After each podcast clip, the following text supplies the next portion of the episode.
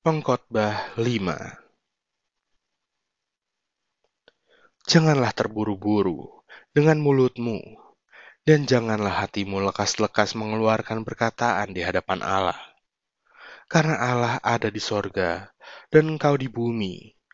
Oleh sebab itu, biarlah perkataanmu sedikit.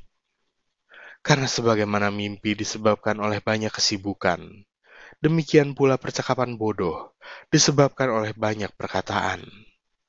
Kalau engkau bernazar kepada Allah, janganlah menunda-nunda menepatinya, karena ia tidak senang kepada orang-orang bodoh. Tepatilah nazarmu. Lebih baik engkau tidak bernazar daripada bernazar tetapi tidak menepatinya. Janganlah mulutmu membawa engkau ke dalam dosa dan janganlah berkata di hadapan utusan Allah bahwa engkau hilaf. Apakah perlu Allah menjadi murka atas ucapan-ucapanmu dan merusakkan pekerjaan tanganmu? Karena sebagaimana mimpi banyak, demikian juga perkataan sia-sia banyak. Tetapi takutlah akan Allah. Kesia-siaan kekayaan. Kalau engkau melihat dalam suatu daerah, orang miskin ditindas, dan hukum serta keadilan diperkosa, janganlah heran akan perkara itu, karena pejabat tinggi yang satu mengawasi yang lain.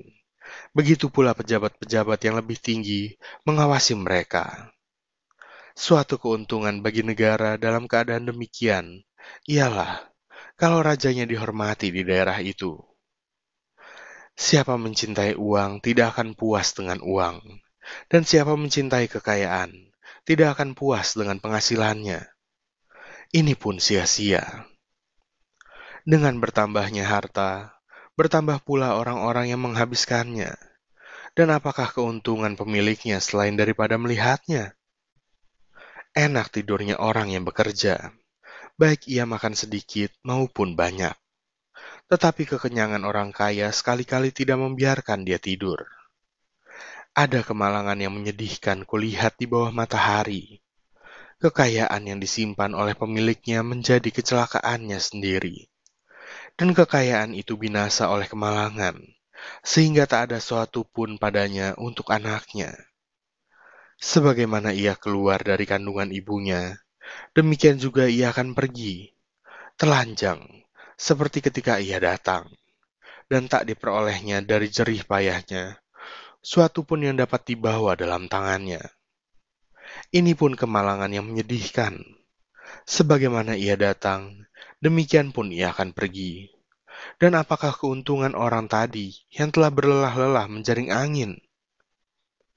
Malah sepanjang umurnya, ia berada dalam kegelapan dan kesedihan, mengalami banyak kesusahan, penderitaan, dan kekesalan.